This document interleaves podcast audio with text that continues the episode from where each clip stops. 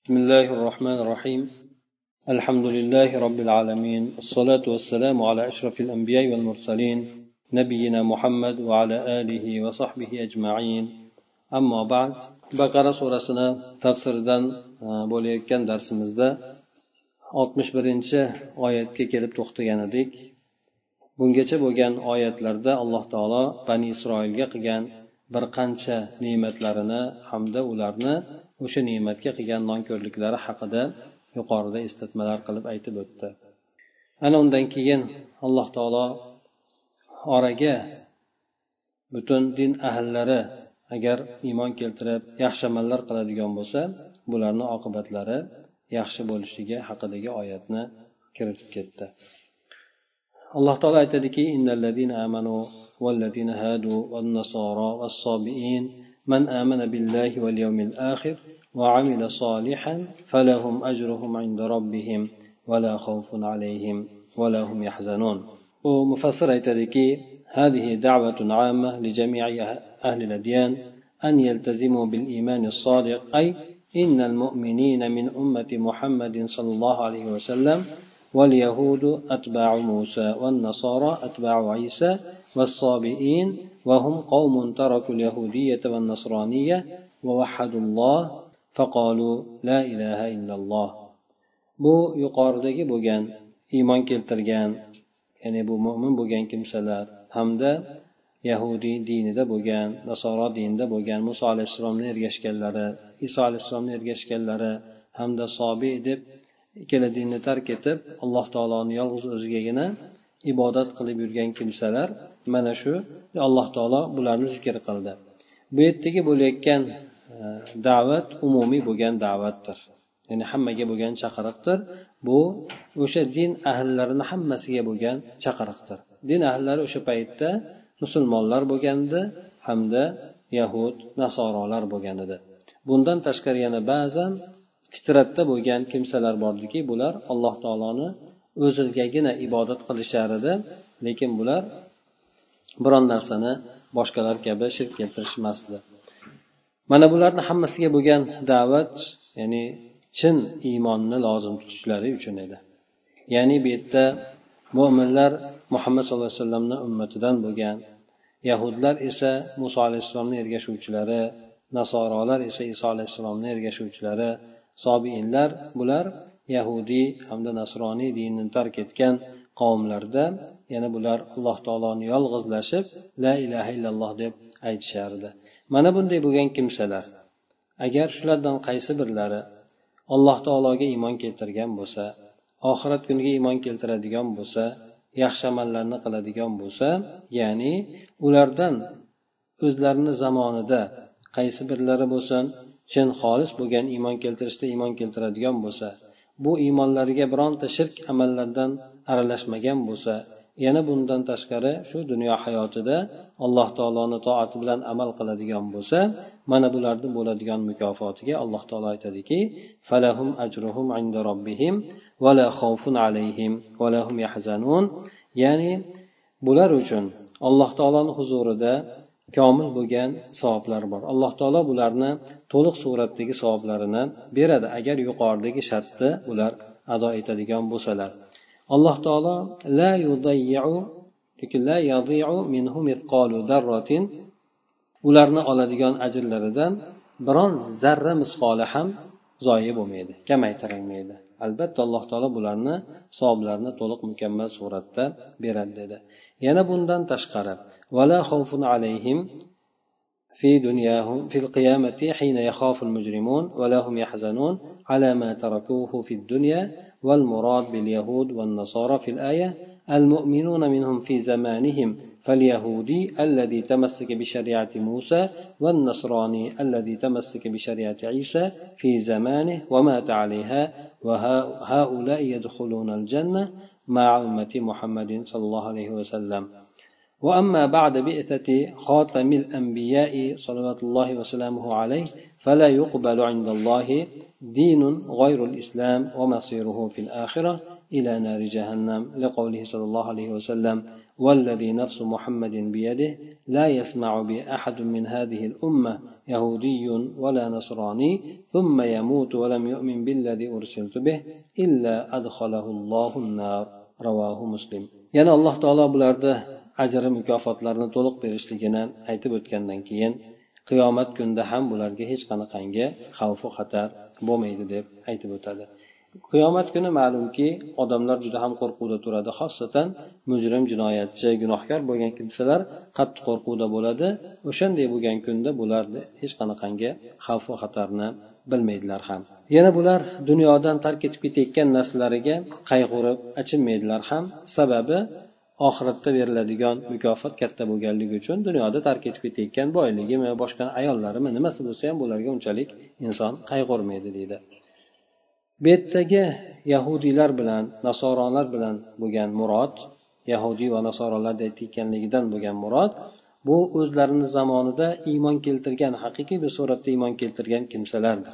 Muso alayhissalomni shariatini lozim tutgan yahudiy hamda iso alayhissalomni shariatini o'zini zamonida mahkam tutgan nasroniy bular ana o'shani ustida o'ladigan bo'lsa ya'ni o'sha shariatni mahkam tutgan holatda o'ladigan bo'lsa bular muhammad sallallohu alayhi vasallamni ummati bilan birgalikda jannatga dohil bo'ladilar deydi. Ya'ni bular ham o'sha muso alayhissalom islom dinini olib kelganligi uchun o'sha islom dinida bo'lgan iso alayhissalom ham ayni o'sha dinni olib kelgan o'sha dinga ergashgan kimsalar o'sha davrlarida shu holatda o'ladigan bo'lsa bu musulmonlardan ularni ham farqi bo'lmaydi albatta musulmonlar bilan birgalikda jannatda bo'ladilar. Ammo endi payg'ambarlarni so'nggisi bo'lgan muhammad sallallohu alayhi vasallamni payg'ambar qilib yuborishligidan keyingi holatdachi bu bunday bo'lgan paytda alloh taoloni huzurida islomdan boshqa din qabul qilinmaydi. Ularni kim oqibati esa oxiratda agar bu islomni qabul qilmaydigan bo'lsa o'sha dinida qolib ketaveradigan bo'lsa muhammad sallallohu alayhi vasallam yuborilgandan keyin oqibati jahannam o'tiga qarab bo'ladi. Ya'ni do'zaxga tushadilar ular. Buni dalilida payg'ambar sallallohu alayhi vasallamni ushbu so'zlari borki aytadilar u kishi muhammad sallallohu alayhi vasallamni joni qo'lda bo'lgan zotga qasamki meni bu ummatdan ho yahudiysi bo'lsin nasorosi bo'lsin birontasi meni kelganimni yuborilganimni eshitib turib so'ng men yuborilgan narsaga men olib kelgan narsaga iymon keltirmagan holatda vafot etadigan bo'lsa bunday bo'lgan kimsani alloh taolo do'zaxga kiritadi dedi. Ya'ni qaysi bir kimsa payg'ambar sallallohu alayhi vasallam yuborilgandan keyin o'zini dinda qolishligi mumkin emas albatta u kishi olib kelgan dinni qabul qilishligi kerak. Ana o'shanday qilmaydigan bo'lsa bu odamni o'zini dinda qolishligi hech qanaqangi foyda bermaydi oqibati do'zaxga bo'ladi deb aytib o'tib ketdi. Mana bu ummatdan deb turib payg'ambar alayhisalom keyin yahudiysi bo'lsin nasroniysi bo'lsin deganda ma'lumki payg'ambar sallallohu alayhi vasallam yuborilgan ummat bor ummat ikki xil bo'ladi. Ijobat qilgan ummat bor da'vat qilgan da'vat qilinadigan ummati bor. Bu yerda iroda qilinayotgani da'vat qilinadigan ummati. Bu ummatdan yahudiysi e, payg'ambar alayhisalomni yahudiy bo'lgan odam ummatimi desa ummati bo'ladi da'vat qiladigan ummati bo'ladi. Lekin ijobat qilgan ummatini yahudiy ham nasroniy ham deyilmaydi balki mo'minlar deb ataladi. Yana bundan tashqari alloh taoloni quyida aytiladigan so'zi ham yuqoridagi bo'lgan mazmunni hadisda keltirilgan mazmunni qo'llab quvvatlaydi. Alloh taolo aytadiki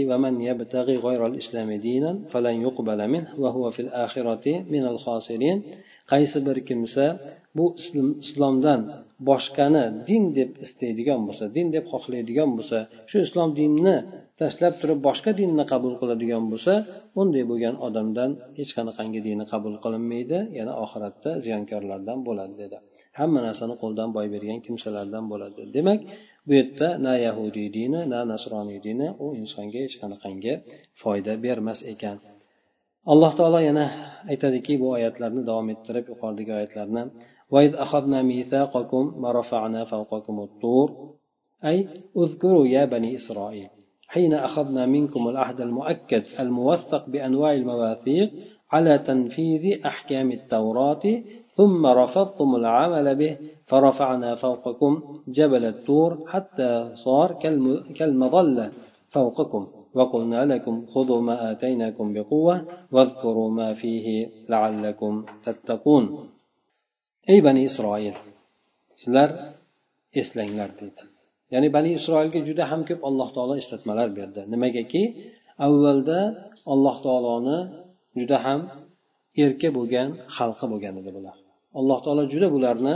erkalatib yuborgan edi. Payg'ambarlarni ko'p yuborishlik bilan ne'matlarni ko'p berishlik bilan juda ham bularni ko'p kechirishlik bilan shuning uchun bular o'zlarini o'shandek alloh taoloni eng sara bo'lgan xalqimiz deb turib faxrlanishardi. Shuning uchun musulmonlarni islom dini yuborilganda ham bularni qabul qilmaslik sabablaridan bittasi ham shu bo'lgan. Ya'ni o'zlaridan o'tib musulmonlarga u narsa berilganligini bilganlaridan bunga hasad qilib turib qabul qilishmagan edi. Shuning uchun bu yerda ham alloh taolo ularga eslatmalarni ko'paytirib aytib o'tyaptiki biz sizlardan mana bu tavrot hukmlarini ijro qilishlik borasida juda ham turli tuman ishonchnomalar bilan ta'kidlangan ahdu paymonni olgan paytimizni eslanglar. Ahdu paymon olgan edik sizlardan tavrot hukmlarini ijro qilishlikka lekin sizlar esa u bilan amal qilishlikni keyin rad qildilaringiz. Ana o'shanday bo'lgan paytda biz sizlarni tepalaringizga tur tog'ini olib kelgan edik. Xuddi go'yoki ustlaringizda bir soyabon kabi bo'lib qolgan edi. Shunda sizlar uchun aytgandikki ya'ni tog'ni olib kelgan holatda shuni ushlasanglar ushladinglar bo'lmasa halok bo'lasizlar degan mazmunda biz sizlarga olib kelgan narsani mahkam ushlanglar unday bo'lgan narsalardan eslatma olinglar. Shoyatki shunda taqvodor bo'ladigan bo'lsalaringiz. Ya'ni sizlar i'malu bi ahkami tavrot bi jiddin va azima wastamsiku biha va la taghfalu anha likay tattaqu sakhatallohi va azabah bi ta'atikum lahu. Ya'ni sizlar tavrotni hukmlari bilan amal qilinglar. Jiddi jahd bilan qattiq azimat bilan mahkam ushlagan holatda amal qilinglar. Uni mahkam tutinglar. Undan bironta oyatlaridan ham hukmlaridan ham g'aflatda bo'lib qolmanglar deb sizlarga shu narsalarni buyurgan edik. Bu bilan esa sizlar alloh taoloni keladigan g'azabi hamda sizlarga bo'ladigan azobi mana shu narsalardan o'zlaringizni saqlab qolarlaringiz. Bu alloh taologa itoat qilishlaringiz bilandir. Demak alloh taolo ularni tepasiga tog'ni yaqin keltirgan holatda ular oshkor suratda alloh taoloni hukmlariga amal qilishlikni rad etgan paytda alloh taolo shunday qiladi. Ana undan keyin ular yana e, alloh taoloni g'azabi azobi kelib ko'rsatgandan keyin sekin ozroq biroz muddatda qaytishlik bo'ladi ulardan.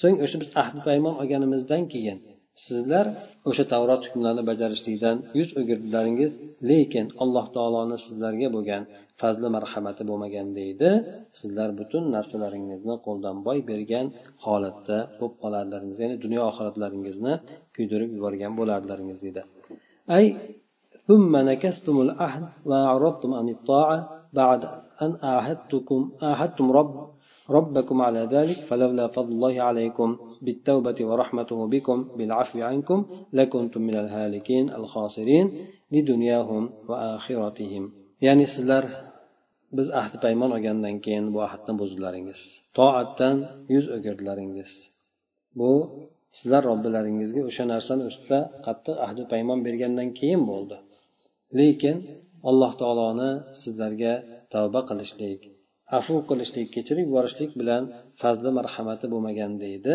sizlar halok qiluvchi halok bo'ladigan kimsalardan hamda dunyo oxiratini qo'ldan boy bergan kimsalardan bo'lib qolarlaringiz deb alloh taolo demak aytadi. Demak bularni alloh taolo bu sifatini bayon qilib o'tyapti. Ular ahdida turmaydigan odamlar. Chunki alloh taologa juda ham qattiq ahdlarni berib turib keyin ahdiga teskari bo'lgan ahdiga xilof ish tutgan kimsalardir bular deb alloh taolo mana shularni aytib o'tyapti ya'ni yahudlarni qilgan jinoyatlarini bir bir bir bir sanab o'tyapti ولقد علمتم الذين اعتدوا منكم في السبت فقلنا لهم كونوا قردة خاسئين أي ولقد عرفتم يا معشر اليهود ما, عاقب ما عاقبناها به أسلافكم الذين استادوا يوم السبت وكان ذلك محرما عليهم فمسخناهم قردة مع ما ألحقناهم به من الذلة والهوان sizlar ey yahudlar jamoasi shanba kunida baliq ovlagan ajdodlaringizni biz jazolagan narsani yoki jazolagan ekanimizni bilgandilaringiz bu narsa ularga harom qilingan ish edi ularni biz jazolab maymunlarga aylantirib qo'ydik Shu bilan birgalikda biz ularga xorligu xo'rlikni ham bergandik deydi. Demak alloh taolo yana boshqa ularni qilgan jinoyati haqida aytib o'tdiki ba'zi toifadan ba'zi odamlarni ba'zi kimsalarni qilgan jinoyatlarini aytib o'tdiki bular hiyla qilganliklari alloh taologa. Yuqoridagilar oshkor suratda e, tavrot hukmlarini amal ijro qilishlikni yuz o'girgan bo'lsa ijro qilishidan yuz o'girgan bo'lsa boshqa birlar esa hiyla qilib alloh taoloni demak harom qilgan narsalarni o'zlariga halol qilishib olgan edi. Ular alloh taolo tomonidan e, siyratlarini ya'ni xulq atvorlarini yoki bo'lmasa suratlarini maymunga o'xshatib qo'yishlik bilan jazolanganligini alloh taolo aytib o'tdi. Nafaqat jazolandi bu bilan balki ularni alloh taolo xorlab ham qo'ydi deydi.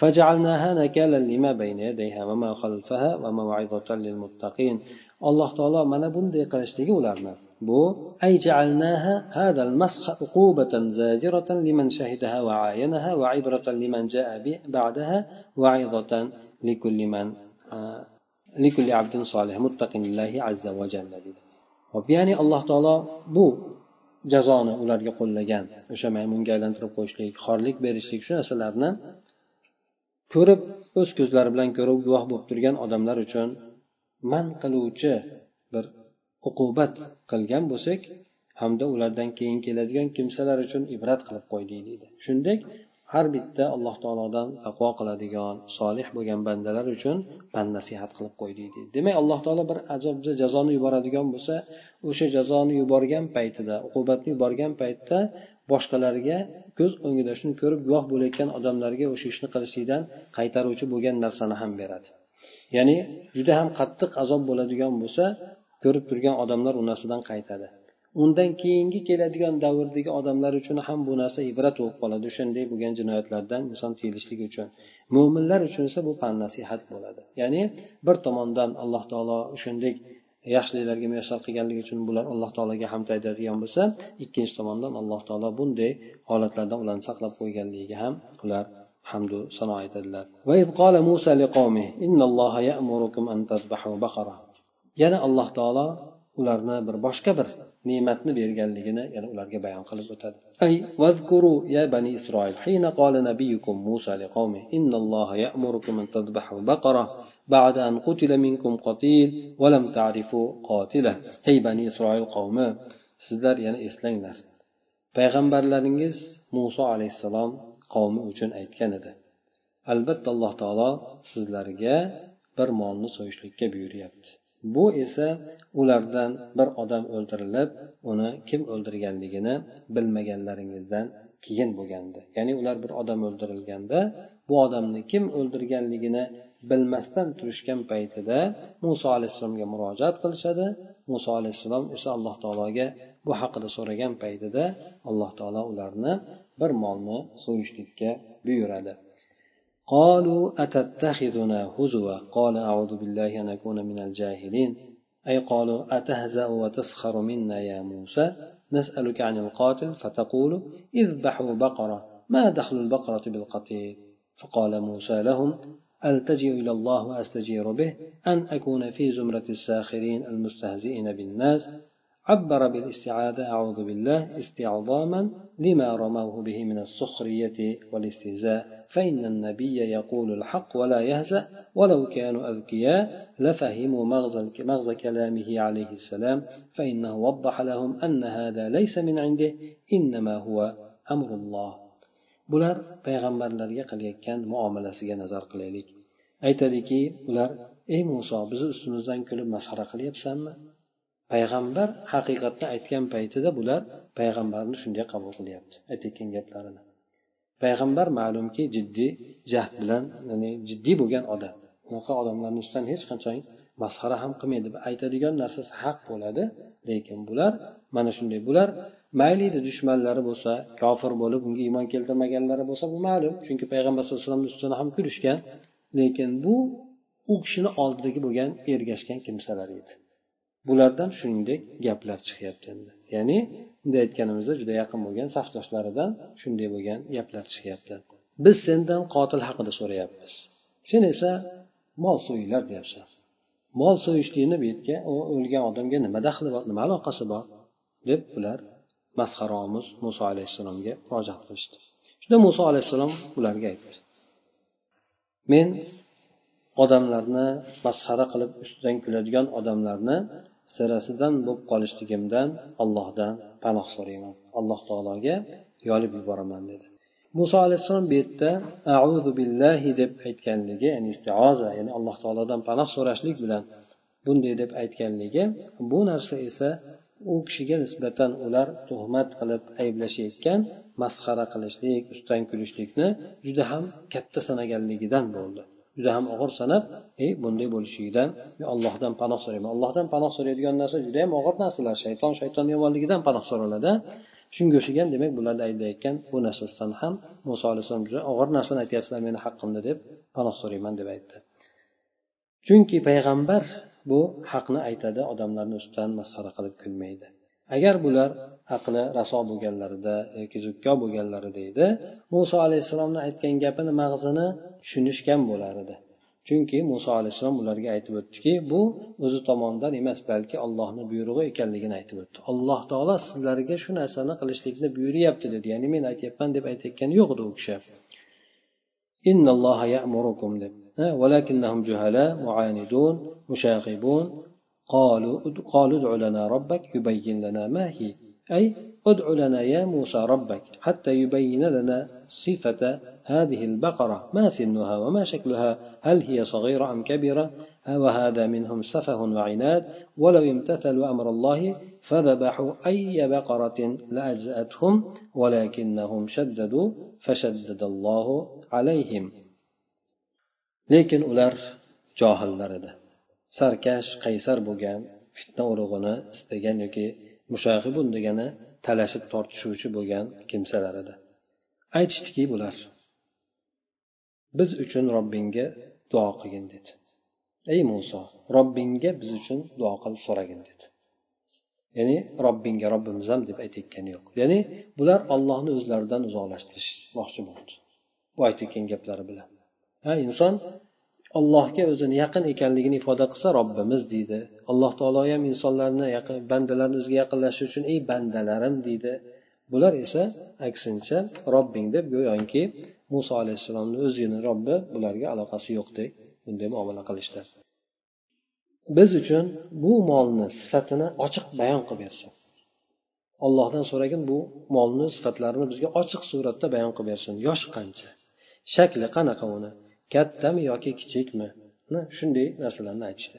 Bu ular tomonidan bo'lgan ahmoqlik hamda qaysarlik edi. Agar ular alloh taoloni buyrug'iga bo'ysunib qo'yishganda edi bo'ysunib to'g'ri kelgan bitta molni so'yib qo'yishganda edi ulardan kifoya qilgan bo'lardi. Lekin ular o'zlaricha qattiqlikka kirishuvdi alloh taolo ham ularga qattiqlik qildi. Hm? Alloh taolo ham ularga tashdid qilib berdi. Yana ham ularga ular chuqurlashtirishuvdi alloh taolo ularga yana ham chuqurroq qilib berdi. قال إنه يقول إنها بقرة لا فارض ولا بكر عوان بين ذلك فافعلوا ما تؤمرون. أي إن هذه البقرة التي أمركم ربكم بذبحها ليست كبيرة هرمة ولا صغيرة فتية وإنما هي عوان أي وسط بين الكبيرة والصغيرة. فنفذوا نفذوا أمر الله ولا تكثروا الجدل فيشدد الله عليكم. يعني موسى عليه السلام bu robbingiz sizlarga so'yishlikka buyurayotgan mol bu yosh qari bo'lgan e, qari yoshli bo'lgan katta mol ham emas yosh bo'lgan kichkina mol ham emas. Balki katta bilan kichikni o'rtasidagi bo'lgan o'rtamiyona moldir. Sizlar ollohni buyrug'ini ijro qilinglar ko'p tortishuvlarni e, tortishuvlarni ko'paytirmanglar. Alloh taolo esa sizlarga yana ham qattiqlashtirib qo'yadi. Deb aytdi. Ular buni muqobilda nima deb aytishdi? Yana qaysarligi tutdi ularda لم يمتثلوا الأمر وعادوا إلى الجدل والتعنت فقالوا ادع لنا ربك حتى يبين لنا ما لو حتى يبين لنا لونها هل هي بيضاء أم صفراء أم حمراء نريد أن نوضح أن توضح لنا لونها بشكل قاطع يعني بولار بويرقا bo'ysunishmadi. Yana o'sha talashib tortishuvga hamda qaysarlik yo'liga o'tishdi qaytishdi. Aytishdiki biz uchun robbingga duo qilgin robbingdan so'ragin. Rangini ham bizga ochiq suratda bayon qilib bersin. U oppoqmi qopmi sapsariqmi yoki qizilmi qaysi rangda bo'lsa biz uchun rangini qat'iy bir suratda ochiqlab berishligini xohlaymiz deb muso alayhissalomga aytishdi. موسى عليه السلام آية كي قال إنه يقول إنها بقرة صفراء فاقع لونها تسر الناظرين. أي قال لهم موسى إن ربي يقول إن هذه البقرة صفراء اللون شديد الصفرة حسنة المنظر ومن نظر, من نظر إليها سرته بجمال لونها وشكلها. موسى عليه السلام آية كي من رب أيتدك بو مال سب سرق بوغان رين بوغان مالدر uni ko'rinishi ham juda ham chiroyli. kim unga nazar soladigan bo'lsa u u odamni rangini shaklini go'zalligi bilan u quvontiradi o'sha mol shunaqangi bo'lgan sifatdadir deb aytdi ana undan keyin yana ular eski holatiga yana qaytishdiki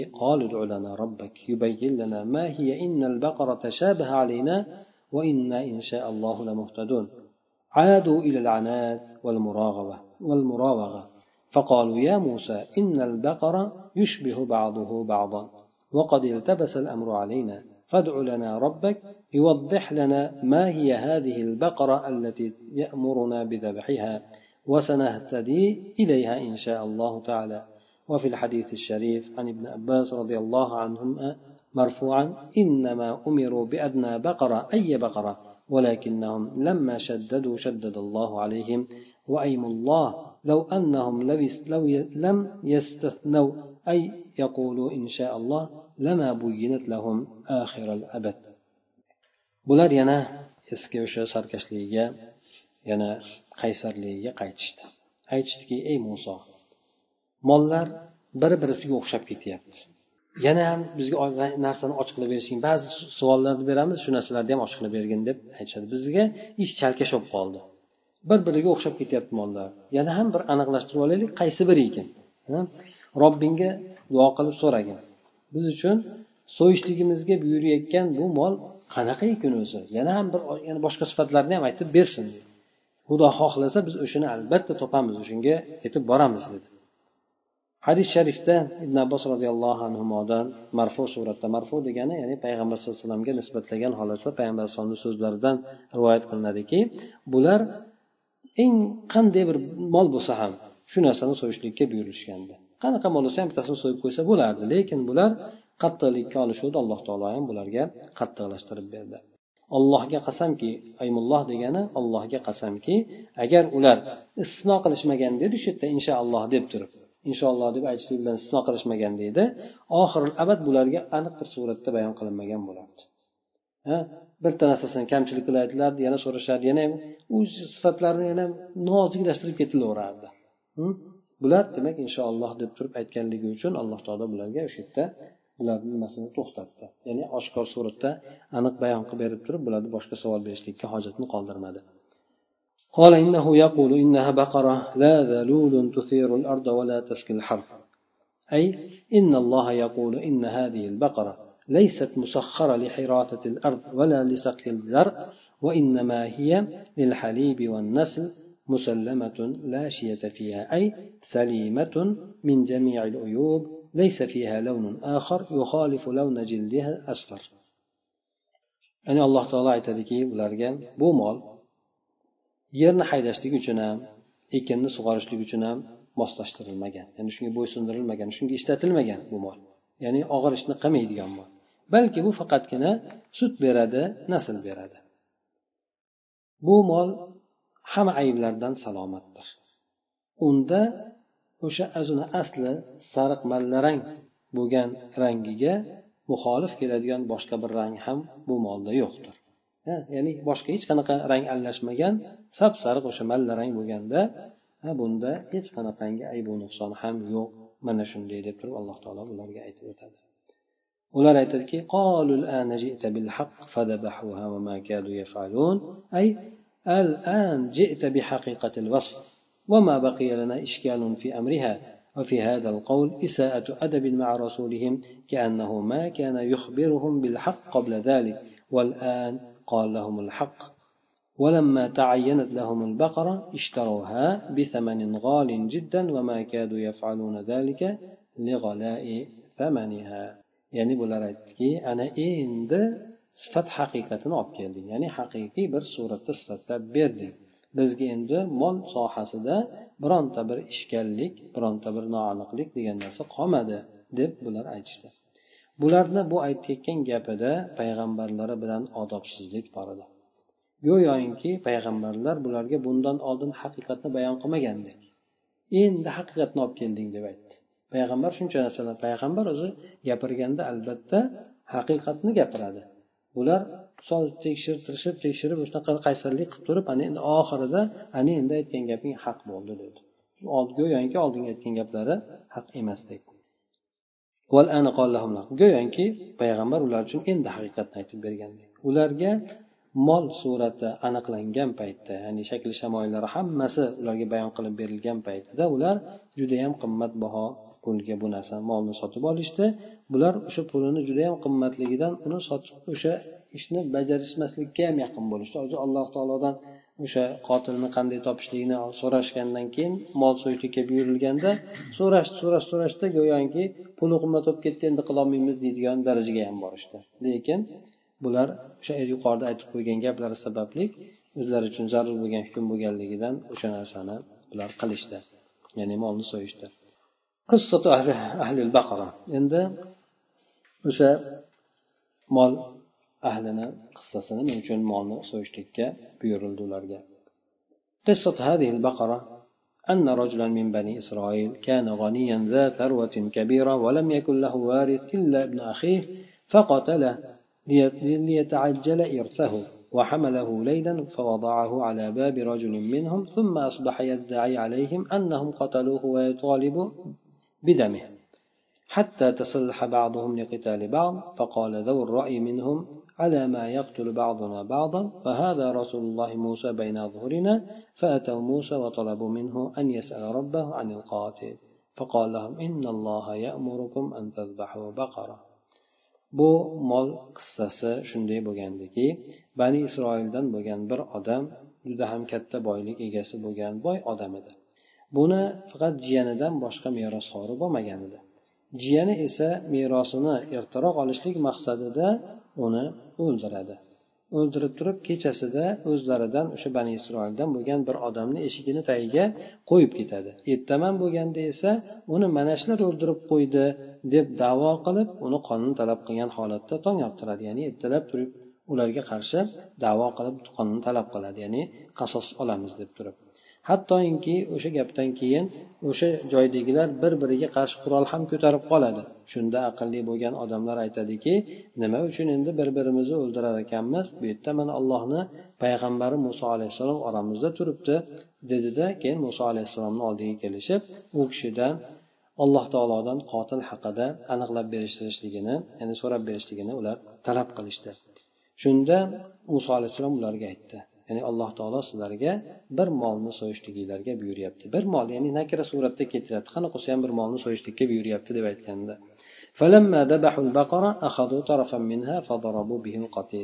Keyin molni so'yishgandan keyin bular molni bir bo'lagini olishdida bir chetidan bir bo'lagini olishdi ba'zi nimalarda rivoyatlarda sonini olishdi deydi. O'shan bilan keyin keyin haligi o'lgan odamni urishdi. Keyin o'lgan odam ollohni izni bilan tirildi. tirilib turdida ularga qotil qotil haqida xabar berdi qotilni esa qasos jihatdan uni qotilni o'ldirishdi qasos olib uni qotilni o'ldirishdi mana shu narsaga quyidagi bo'lgan oyat karimalar ishora qilgan edi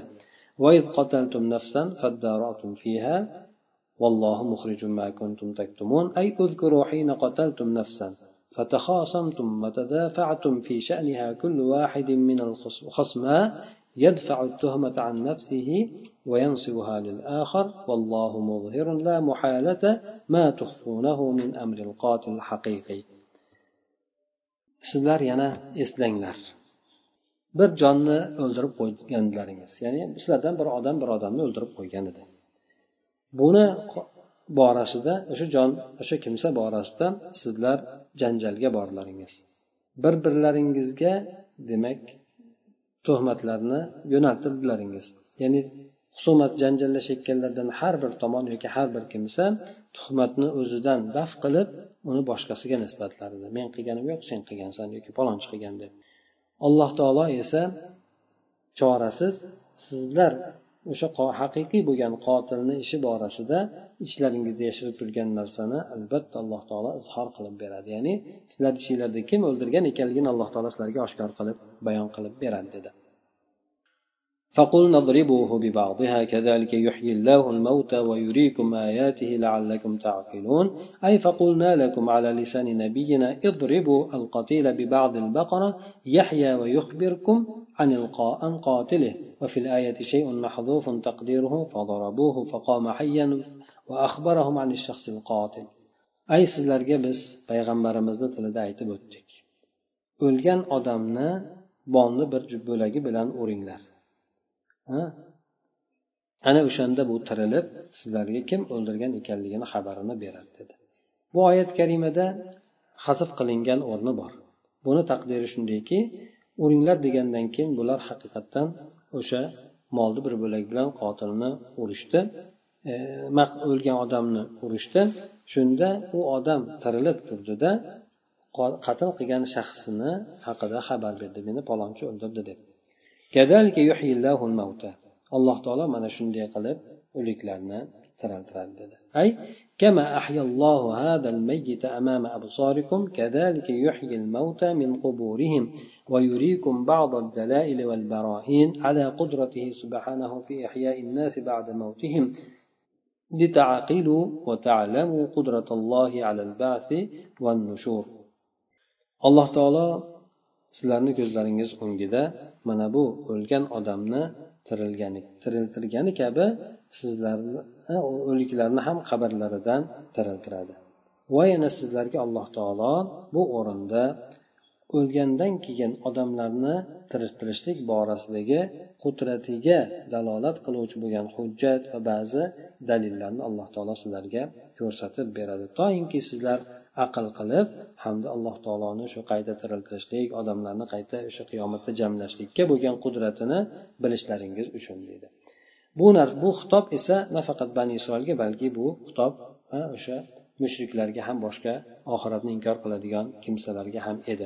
Garchi bani isroil o'sha paytda oxiratga iymon keltirsada lekin bularni ya'ni oxiratda ochiq suratda aniqroq bo'lgan suratda ularga isbotini aytib berishlik bu ularga ta'sir qiluvchiroq bo'ladi shuning uchun alloh alam bu oyatlarni alloh taolo keltirib o'tdi garchi bani isroil qiyomat bor deb aytadigan bo'lsa ham روي أنهم لما ضربوا القتيل ببعضها قام حيا وأوداجه تشخب دما وقال قتلني ابن أخي هذا ثم سقط ميتا فأخذ القاتل فقتل ولم يورث قاتل بعد ذلك ثم إن موسى عليه السلام أمرهم أن يضربوه ببعضها وما ضربه بنفسه نفيا للتهمة كي لا ينسب إلى السحر أو الحيلة ولتبقى معجزة باهرة لسيدنا موسى الكليم rivoyat qilinadiki bular shu o'lgan odamni molni bir bo'lagi bilan urushgan paytida tirilib turadida uni ichak chavoqlari qonda tomib turgan bo'ladi ya'ni xuddi mana aytaylik turib tirik odamdek turib odam rosmona tirik bo'lib turadida ichak chavoqlari ham qon oqib turgan holatda bo'ladi. Shunda aytadiki u odam meni mana bu jiyanim o'ldirgan deb aytadida yana o'sha aytib bo'lgandan keyin o'lgan holatda yiqiladi. Ya'ni tiriltirishlikdagi bo'lgan maqsadni ado etiladi. Qotilni kim ekanligini bayon qilib berishlik bo'ladi. Xolos bundan boshqa narsa talab qilinmaydi bundan boshqa narsani aytmaydi ham. Faqat tirilib turib shu jiyanim o'ldirgan deb turib aytadi yana qaytib o'ladi. Shunda qotil bo'lgan odamni olib o'ldiriladi. Mana shundan keyin qotilga hech qanaqa meros berilmaydi. Muso alayhissalom esa ularga o'zlari o'sha molni bir bo'lagi bilan uni urishlikka buyuradilar. O'zlari urmaydilar. Nimaga? Tuhmatni o'zidan nafiy qilishlik uchun. Nima qanaqa tuhmat bo'lib qoladi buni ular ya'ni sehrga yoki hiylaga nisbatlanib qolmasligi uchunda ya'ni bu kishi uradigan bo'lsa e bu sehr qildi boshqa qildi deb gapdan ham toyishmaydi. Shuning uchun o'zinglar uringlar deb tashlab qo'ydi. Ular o'zlari urgandan keyin u turib turib aytib berdi. Ya'ni bu yerda muso alayhissalom hech qanaqangi bu narsani e, bu narsaga aralashmadi. Ya'ni ular urib u o'lik gapirishligi to'g'risida. Yana bundan tashqari bu kalim ya'ni alloh taolo bilan gaplashgan muso alayhissalom saidimiz uchun bu bohir degani aqlni lol qoldiruvchi bo'lgan mo'jiza bo'lib qolishligi uchun shunday qildi bu kishi ثم قصت قلوبكم من بعد ذلك فهي كالحجارة أو أشد قسوة أي ثم قصت قلوبكم يا معشر اليهود وغلوظت فلم يعد يؤثر فيه فيها نسخ ولا تذكير aytadiki alloh taolo shundan keyin shuncha narsalarni ko'rgandan keyin ham bular sizlarni qalblaringiz qochib ketdi Bu qalblar xuddi tosh kabi bo'lib qoldi yoki toshdan ham ko'ra qattiqroq bo'lib ketdi deydi. Ey yahudlar jamoasi sizlarni qalblaringiz qasad. Qasa degani juda ham qachib ketdi. Va g'aluzat dag'allashib ketdi. Battar dag'allashib ketdiki unda hech qanaqangi bir nasihat bo'lsin eslatma bo'lsin biron narsa ta'sir qilmaydigan bo'lib qoldi. O'shandek ko'zni lol qiluvchi bo'lgan aqlni lol qiluvchi bo'lgan mo'jizalarni ko'rgandan keyin ham. Ana o'sha mo'jizalardan birisi bu ularni ko'z o'ngida o'likni tiriltirishlik mo'jizasi edi. Bular o'sha ularni qalblari qotishligida xuddi tosh kabi edi. Tosh demak bir qattiqligi bilan misol keltiriladigan narsa xuddi shunday qochib ketgandi ularda. Balki undan ham ko'ra qattiqroq bo'lib ketgandi deb alloh taolo aytadi. yana ba'zi toshlar borki ulardan daryolar oqib chiqadi أي إن من الحجارة ما يلين, يلين فتتدفق منه الأنهار بالماء السلسبيل ya'ni ba'zi toshlar borki ular yumshaydida anhorlar ulardan juda ham salsabil bo'lgan ichganda tomog'idan shunday yumshoq o'tadigan suvlar bilan ya'ni mayin bo'lgan suvlar bilan tadaffaq degani voshillab chiqadi degani o'sha toshlarni oralaridan suvlar voshillab oqib o'tadi.